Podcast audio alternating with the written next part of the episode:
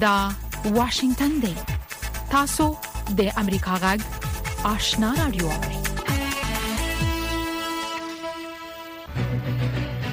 قدرمن اوریدونکو السلام علیکم زه شافیا سردار یم دا د امریکا جغ آشنا رادیو خبرونه پیل شوه لومړی به خبرونه واوري السلام علیکم درنو اوریدونکو زه نذرانه یوسف سیم تاسو خبرونه اوري د طالبانو د حکومت د دفاع وزارت سرپرست مولا محمد یعقوب مجاهد د پاکستان د حکومت لخوا دغه هواد نه د سلګونو زرو افغان کډوالو د ایستلو پریکړه ظالمانه او نا عادلانه بللی او د افغانستان او پاکستان ترمنځ د اړیکو د ترنګلتیا په اړه خبرداري ورکړې ده مولا محمد یعقوب کابل کې د طالبانو د حکومت د پولیسو اکیډمۍ د سوارلسم پړاو فارغانو یو غونډه ته په وینا کې د پاکستان د خلکو او په ځانګړي ډول د دیني عالمانو او سیاسي ډلو مشرانو نو غوښتل چې د پاکستان د حکومت د دې پریکړې پر وړاندې دی ودرېږي هغه مجاهد وویل دا کار به د دواړو هیوادونو ترمنځ اړیکې ترنګلې کړي او دا کوشش مو او تاسو په ګډه کوو چې موږ د هیواد سره خپل اړیکې برحاله کړو د پاکستان حکومت د سې شنبه په ورځ ټول افغانانو ته چې په دې هواد کې بغیر قانوني توګه ژوند کوي د روان 2023 میلادي کال د نومبر میاشتې تر لومړۍ نیټې مهلت ورکړ چې بیرته افغانستان ته ستانه شي د افغانستان لپاره د روسیې ځانګړي استازي زمیر کابلوف ویلي چې د نشي توکو او ترګرۍ سره د مبارزې په برخه کې د تاجکستان حکومت د طالبانو د هڅو راضي نه دی او په دوشنبه کې چارواکو په دې باور دي چې د طالبانو کار د ستایل وړ نه دی د روسیې د تاس خبري اژانس په حواله کابلوف د افغانستان لپاره د مسکو فارمټ روسي ناستې ته په اشاره سره ویلي چې د دې ناستې ډیر ګډونوال د داعش سره د مبارزې په مخه د طالبانو له هڅو راضي وو او د طالبانو غوښتي چې دغه هڅو دوام ورکړي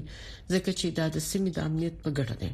کابلوف زیاته کړې زموږ تاجکستاني شریکانو په افغانستان ډېری نیوکه وکړي د تاجکستان د مشرتابه برداشت او نظر ده کور دې سره سره د افغانستان په چارو کې د روسیې د ولسمشر ځانګړي استاذ ویلي چې د مسکو فارمټ ناستي نور ګډونوال بیا د تاجکستان له دې نظر سره مخالف وو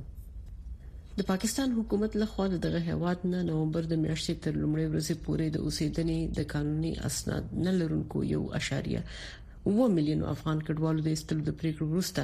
د طالبانو حکومت د ستنیدونکو افغان کډوالو د ستنیدو په برخه کې د ملګرو ملتونو د کډوالو د عالی کمشنري یو ان ایچ سی آر نه د مرستې غوښتنه کړې ده په پاکستان کې د یو ان ایچ سی آر ویاند قیصر خان افریدي امریکا غږ ته په یوې مرکې کې وویل چې پاکستان په کار ده چې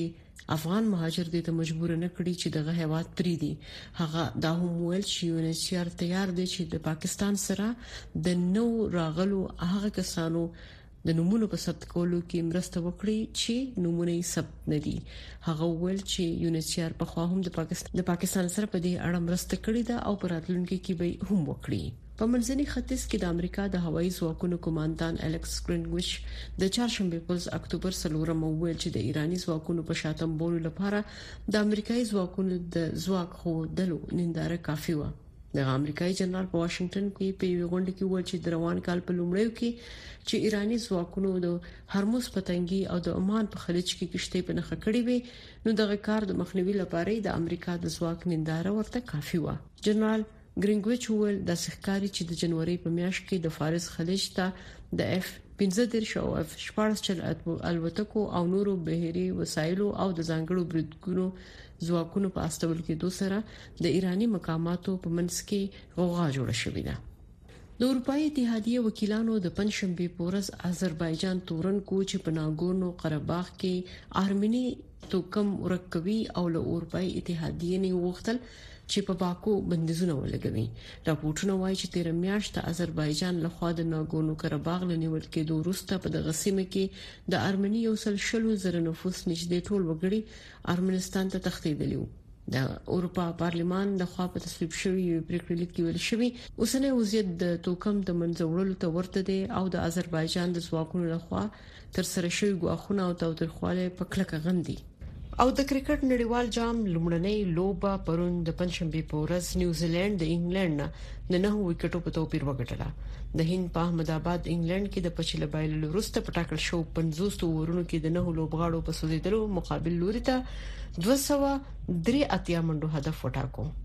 په جواب کې د نیوزیلند ټیم د یو لوغاړي په سوزیدو سره د هدف په سلور دیش اورونو کې بشپړ کو د نیوزیلند ډیوډ کانوي یو سل 250 او راچین راویندرا یو سل دریش منډي وکړي د نړیوال جام دویمه لوبه د سبا د پاکستان او هالملند ترمنځ د هند په حیدرآباد کې تر سره کیږي افغانستان په دغه جام کې خپل لومړی لوبه د شنبه پورس د بنگلاديش سره کوي قدرمنو اوریدونکو دا و خبرونه. خبرونه مو د امریکا جغ آشنا رادیو څخه واوریدل. درنو اوریدونکو زموږ په دې خبرونه کې د افغانستان سیمه او نړۍ د اوسنوي حالاتو په اړه کې مهم مطالب او مرکه لرو هله د خبرونه تر پای واوري لومړی به دا راپورټ واوري چې د طالبانو د حکومت د دفاع وزارت سرپرست مولوي محمد یعقوب مجاهد د پاکستان د حکومت لخوا له دغه هیواد څخه د سلګونو زرو افغان کډوالو د ایستلو پریکړه ظالمانه او نه عادلانه بللې او د افغانستان او پاکستان ترمنځ د اړیکو د ترنګلتیا په اړه خبرداري ورکړي په عین حال کې د سیاسي چارو ځنې کارپوهان وایي باید په دې مسلې د پاکستان سره خبري وسی په دې باره کې نور تفصيل زموږ د خبريال اکرام شنواري په رپورت کې ووري د طالبانو د حکومت د دفاع وزارت سرپرست مولوی محمد یعقوب مجاهد د خبرداري د پنځشنبه په ورځ کابل کې د طالبانو د حکومت د پولیسو اکاډمۍ د 14 پړاو فارغانو یوې غونډې ته د وینا پر مهال ورک او د پاکستان د خلکو او په ځانګړي ډول د دیني عالمانو او سیاسي ډلو مشران څخه وغوښتل چې د پاکستان د حکومت د دې پریکړې په وړاندې دي ودرېږي دا کار به د دواړو هیوادونو ترمنځ اړیکې ترنګلې کړي او دا کوشش چې موږ او تاسو یې په ګډه کوو چې موږ د هیوادونو سره خپل اړیکې برحاله کړو په داسې شکل باندې دا کار په داسې یو وحشت او بربریت سره چې څوک یې کوي موږ نشو کولی نو هیله او ارزو لرو د ټولو نړیوالو بنسټونو څخه، هغو هیوادونو څخه چې د بشر د حقوقو مدافعین ځانونه بولي، ملل متحد او نور سازمانونه باید میدان ته راشي او د پاکستان لاس ونیسي د دې عمل څخه. دا عمل د افغانانو سره ظلم دی، وحشت دی، بربریت دی، چې په هیڅ شکل باندې نشي توجیه کیدلای. د پاکستان حکومت د سې شنبې په ورځ ټولو افغانانو ته چې په دې هېواد کې په غیر قانوني ډول اوسېږي د روان دوه زره درویشتم کال د نوامبر میاشتې تر لومړۍ نېټې مهلت ورکړی چې بېرته افغانستان ته ستانه شي. دغه حکومت ویلي چې د دې نېټې پای ته رسېدو څخه وروسته به دغسې کسان په ډله ییز ډول افغانستان ته وشړل شي. د طالبانو د حکومت د دفاع وزارت سرپرست همداشان په پاکستان کې د مېشتو افغان کډوالو وغوښتل چې خپل وطن ته دي ستانه شي او ټول هغو شتمنو افغانانو ته چې په پاکستان کې مشتي غوښتنه کوو چې عاجل خپل ټول شتمني خپل ټول پانګه چې هلته مصرف کړي دا افغانستان ته را نقل کړي او هغه اقتصاد چې د دوی ستاسو په مټ باندې جوړ دی هغه رنګ کړي او خپل افغانستان ته او د خپل ولس لپاره خدمت وکړي او وده ورکړي. د پاکستان حکومت لا تر اوسه د طالبانو د حکومت دغه چارواکي څرګندونو ته غبرګون نه دی ښودلی. د پاکستان د حکومت له خوا د دغه هېواد څخه د سلګونو زرو افغان کډوالو د ایستلو پرېکړې ته د طالبانو د حکومت د دفاع وزارت د سرپرست د دغه توند غبرګون دمخه د دغه حکومت ویاند هم د چهارشنبې په ورځ د پاکستان له حکومت څخه په خپل پریکړه د بیا کتنې غوښتنه کړې و زبی الله مجید ویلي چې د پاکستان د حکومت دا پریکړه ورته د منلو نه ده د پاکستان حکومت دغه پریکړه د ملګرو ملتونو په ګډون د یو شمېر نړیوالو سازمانونو لخوا هم غندل شوې ده د ملګرو ملتونو د سرمنشي وایان سټیفن دوجاریک د چاشمې په ورځ په نیویارک کې دغه سازمان په مرکز کې یوې خبري غونډې ته ویل چې دا یو د اندېښنې وړ پرمختګ دی هغه ویل چې د وسل په توګه هیڅ کډوال باید په زور او جبر سره خپل هیواد ته وانستول شي همداشان د بخښنې نړیوال سازمان او د پاکستان د بشري حقونو کمیسیون هم په جلا اعلامیو کې د پاکستان له حکومت څخه په خپله پریکړه د بیا کتنې غوښتنه کړې د پاکستان د بشري حقونو کمیسیون د چهارشنبې په ورځ د ایکس په ټولنیزه شبکه کې په خپله پاڼه د دغه هیواد له حکومت څخه د یو میاشتې څخه په کمه موده کې د تروریستي او جنایي ډلو سره د اړیکو لرلو له امله د یو میلیون بهرنیو کډوالو د اصولو پریکړه د دغه حکومت د رحم او شفقت د نشتون او د ملي امنیت په برخه کې د لند او تنگ نظر انعکاس خودلې دي د سیاسي چارو یو کارپو طارق پرهادي وایي چې پاکستان د افغان کډوالو له مسلې د فشار د وسیلې په توګه کار اخلي او هڅه کوي چې له ملګرو ملتونو څخه مرستې راټولې کړي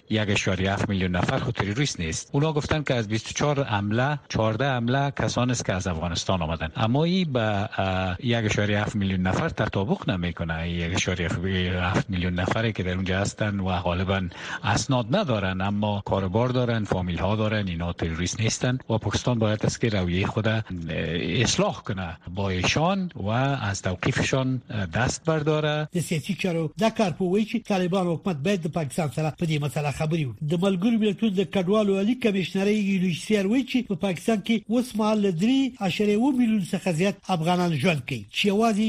1.4 میلیون په رسمي توګه ريجستره شوي انتظار پای ته ورسید ترنو لیدونکو او اوریدونکو تاسو کولی شئ د امریکا غا ټلویزیونی او رادیوي خبرونه د یاشر ساتلایت له طریقو وګورئ او واورئ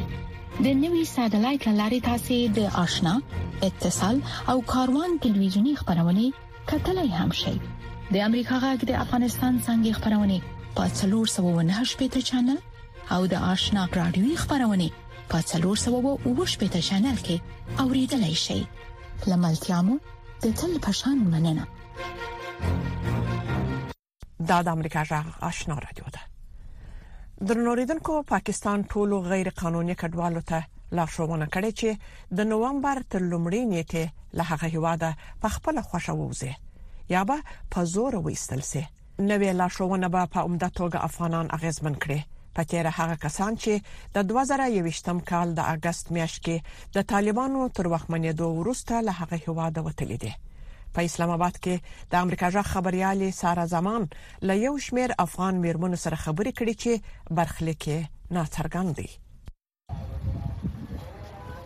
ملګرو ملتونو له پاکستان څخه د بې اسناد افغان کډوالو د ایستلو په اړه د هغه هیواد پریکړه د اندېښنې وړ بللې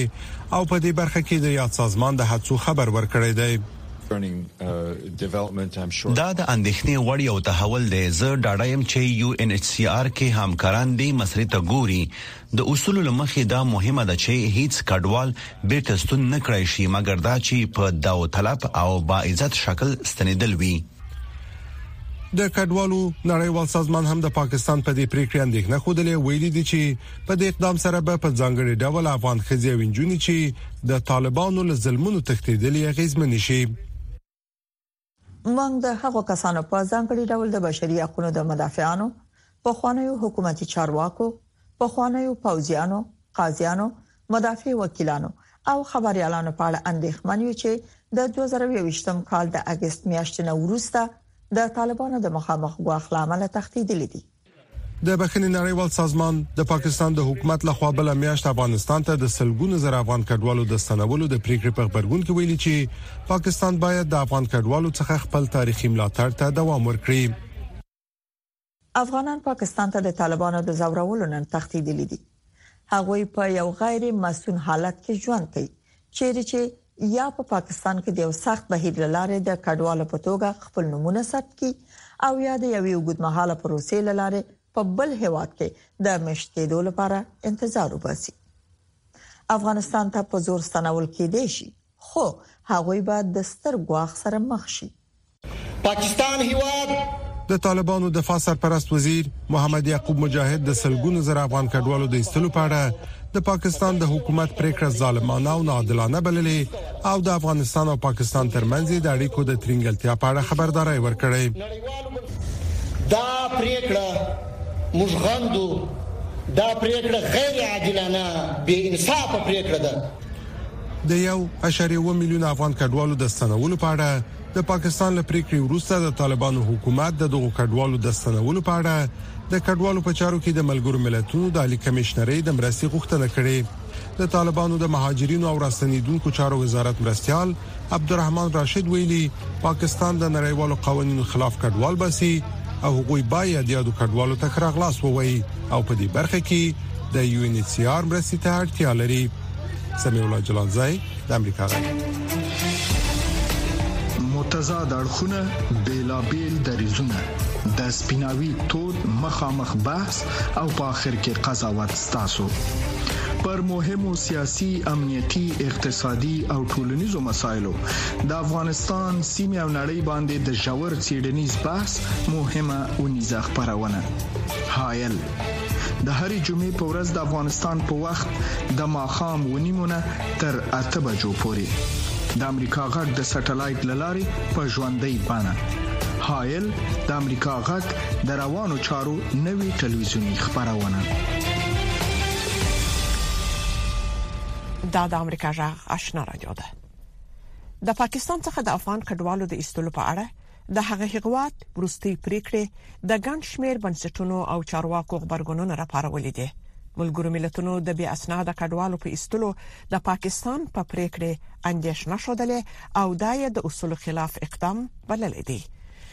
د بخښنې نړیوال سازمان وايي په زور د افغان کډوالو په ستنولو سره به دغه کډوال په افغانستان کې لګڼو ستونزو سره مخامخ شي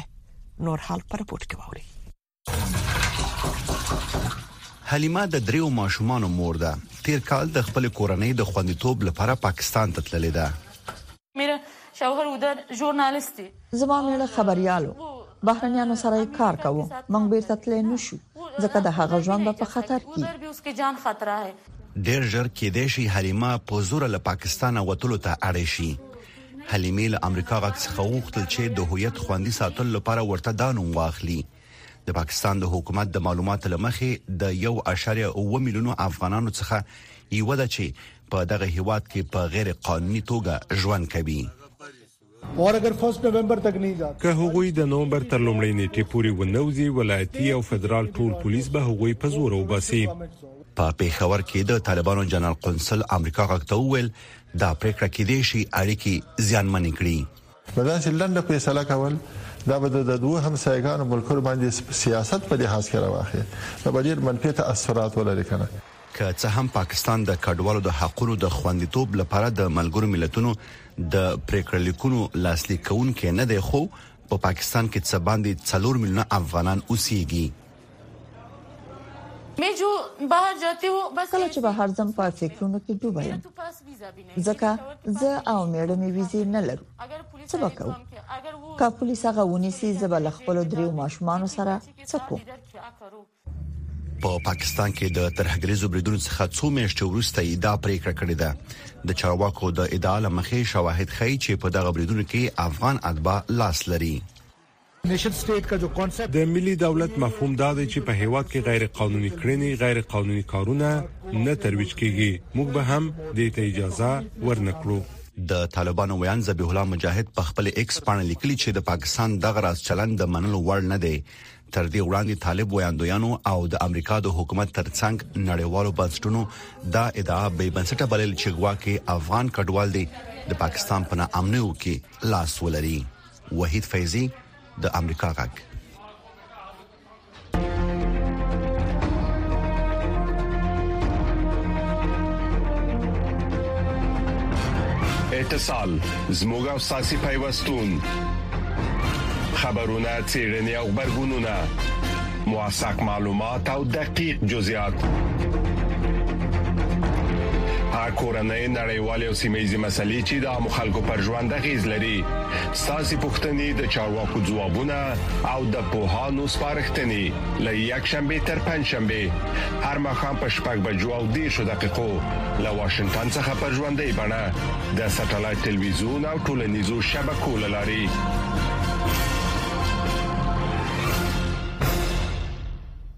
د امریکا جغ آشنا رادیو څخه رپورټونو ته دوام ورکوو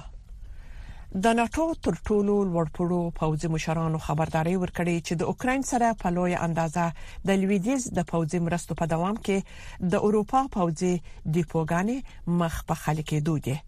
د اوکرين سره د پوځي مرسته د دې لپاره کېږي چې د روسیې د يرغل دفاع پر وکړي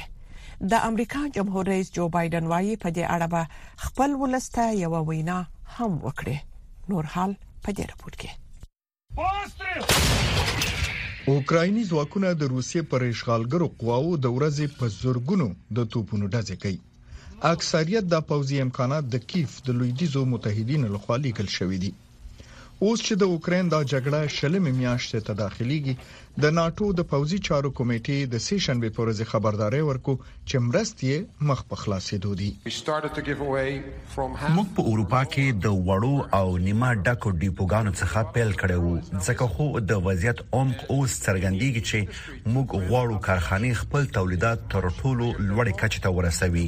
موږ ډیره اندازه کې ورته اړتیا لرو دواړو، اروپا او امریکا د وسلو د تولیداتو ډېرېدلو لپاره خپل پلانونه تنظیم کړي دي. د دفاعي چارو څېړونکې سیمونا سواري وایي چې د مهماتو دوامداره اندازې ساتلو او اوکراین ته لېږلو لپاره د لویدیځ سیاسي مشران باید واضحه تګلاره ولري.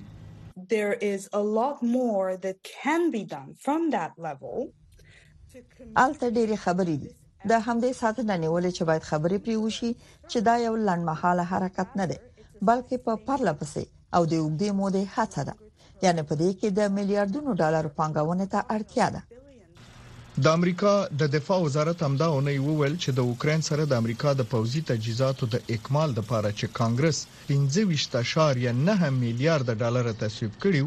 اوس ترې یوازې 1.6 میلیارډ پاتې دي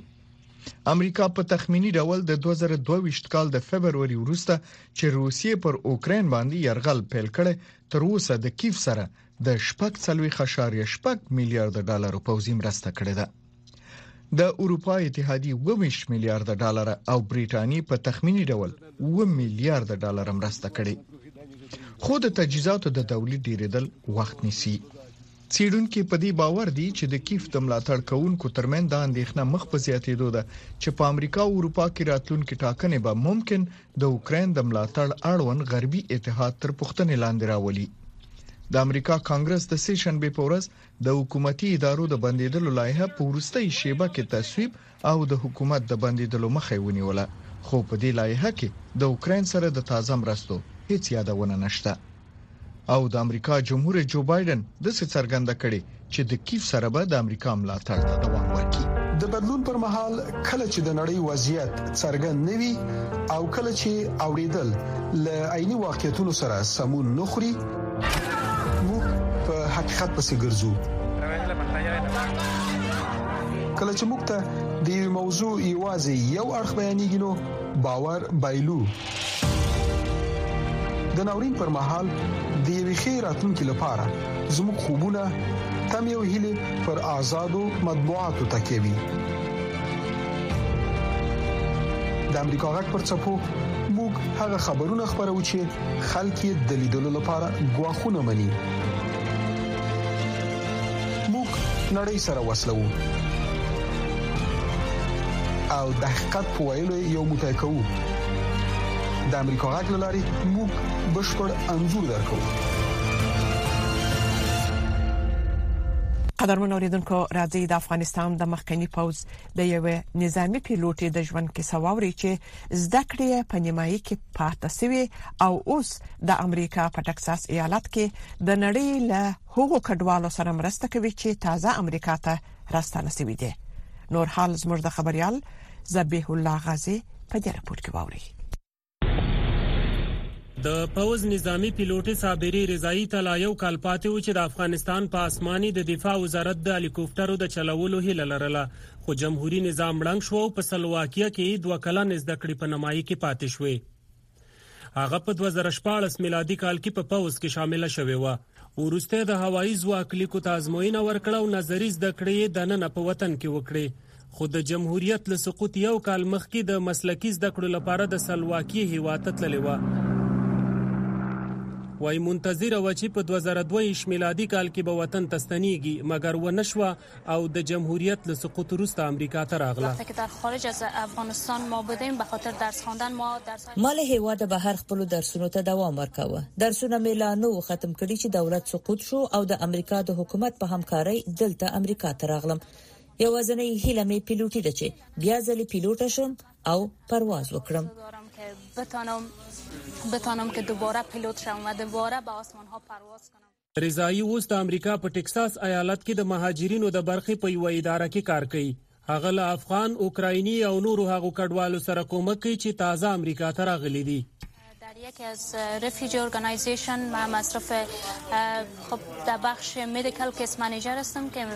زه د کډوالو په یوې اداره کې د روغتیايي برخې کیس منیجر یم زه له هغو کډوالو سره کار کوم چې نوي امریکا ته راغلي چې په دې کې افغان کډوال اوکرایني همداشان د کیوبا سودان او نور هیوادونو کډوال هم شامل دي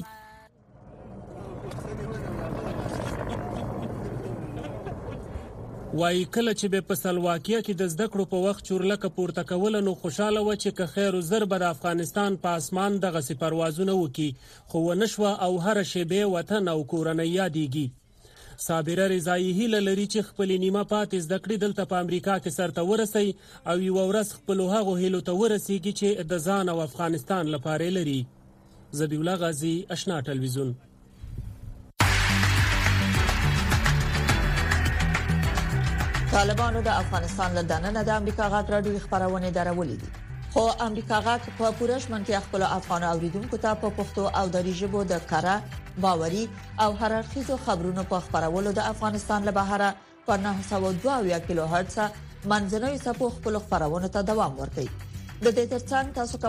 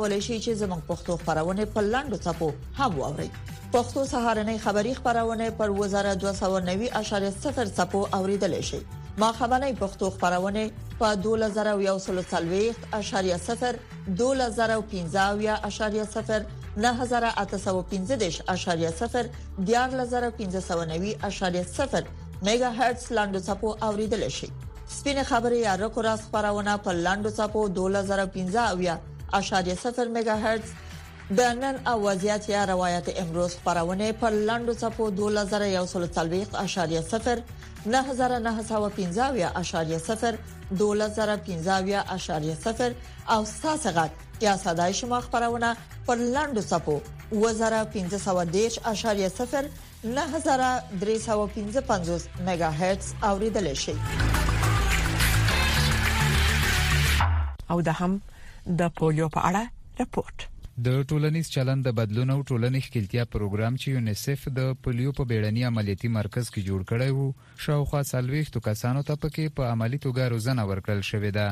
په کابل کې د پولیو له منځه وړلو عملیاتي مرکز مسول ډاکټر نیکول شاه مومن په دې حق له امریکا غږ ته وویل چې د ټولنیز چلند د بدلون پروګرام موثریت د افغانستان په ټولو سیمو کې محسوس شوی او دا ډول پروګرامونه موثر بولی د دغه روزنیز پروګرام کې شاوخوا څلوېښت کسانو ګډون کړی و. د ټولنیز چلند د بدلون روزنیز پروګرام ډېر موثر و او هغه کسانو چې په دغه پروګرام کې یې ګډون کړی و، هغوی به وکولای شي ترڅو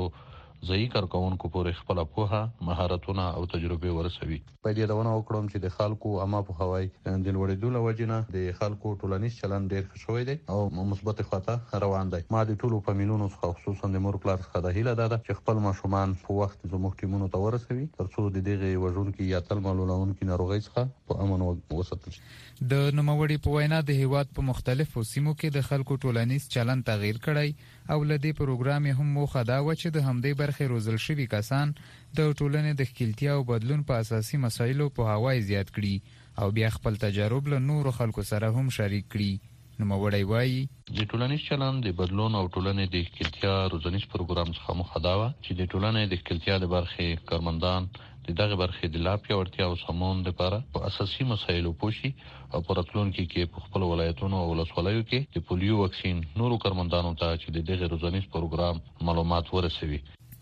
بلخوا د ګوزڼ د مخنیوي هلو ځلو په تړاو یو شمېر هغه تبلیغ کوونکي چې د کمپاینونو په جریان کې مختلفو کلیو بانډو ته ځي او کورنۍ هڅوي ترڅو خپل کوچنیان د واکسین له تطبیق محروم نه کړي وايي، چې له دوی سره د خلکو چلند د پام وړ مثبت بدلون کړی. په خوست کې د پولیو کمپاین یو تن کارمند عنایت ارمان په دې هکله امریکا غږ ته داسې وویل. ښکلې همکاري چې ده موږ سره ډېره ښه ده، تاسو خپله هم ویل چې شل دویشت نفره وو، په دې کې یو هم انکاري نه وو، ځکه چې دوی د واکسینو په ګټه پوهېدلي وو، نو کله چې د واکسینو پیدا دوی ته رسېږي، دوی حتما موږ ته ماشومان هم روباسي او موږ سره همکاري هم کوي، په دغه پروسه کې موږ سره په دې هغه کې ماشومان پر وسلو کې همکاري کوي ترڅو موږ دغه ماشومان په اسانۍ سره واکسین کو که څه هم د افغانستان لرې پرتو کلیوالي سیمو یو شمېر کورنۍ د کم پوهاوي له کبله د خپلو کوچنیانو له واکسین ډډه کوي خو عامې روغتیا وزارت له ماشومانو د ملاتړ صندوق یا یونیسف او نور نړیوال مرستندویه روغتیايي بنسټونه په دې هڅه کې دي چې د دغو کورنیو د پوهاوي سطحه لوړه او په هېواد کې د ګوزڼ له نورو پېښو مخنیوی وکړي. منیر بهار، امریکا غږ، خوست.